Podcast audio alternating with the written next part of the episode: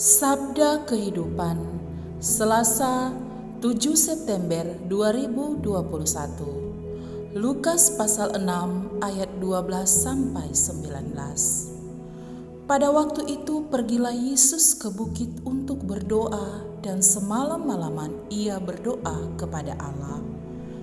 Ketika hari siang, ia memanggil murid-muridnya kepadanya, lalu memilih dari antara mereka dua belas orang yang disebutnya rasul.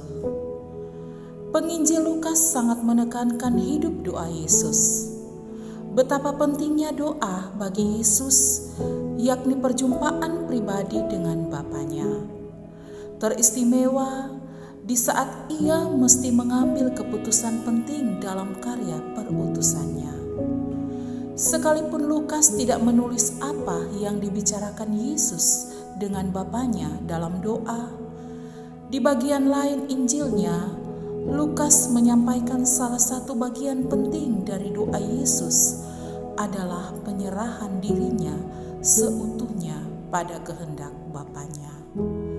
Tetapi bukanlah kehendakku, melainkan kehendakmulah yang terjadi. Kita bisa membayangkan bahwa bisa saja Yesus menghendaki muridnya lebih dari dua belas dan Yudas si pengkhianat tidak masuk di dalamnya. Akan tetapi, Yesus menyadari bahwa apa yang tertulis dalam kitab suci tentang dia haruslah digenapi sebagaimana yang tertulis dalam Lukas pasal 22 ayat 37. Maka ia memilih dua belas murid sebagai lambang Israel yang baru dan memasukkan Yudas di dalamnya yang mewakili karakter manusia yang tidak sejalan dengan kehendak Allah dan memilih melakukan keinginannya sendiri.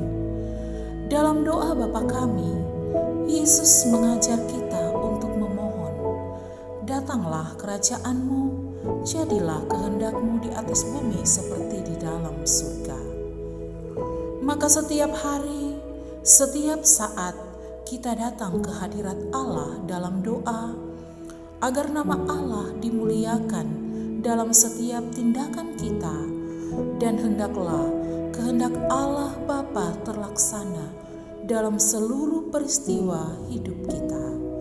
Kita percaya di dalam doa Yesus hidup di dalamku dan aku hidup di dalam dia. Selamat berkarya, biarlah kehendak Tuhan digenapi dalam setiap langkah kita. Pastor Revi Tanah PR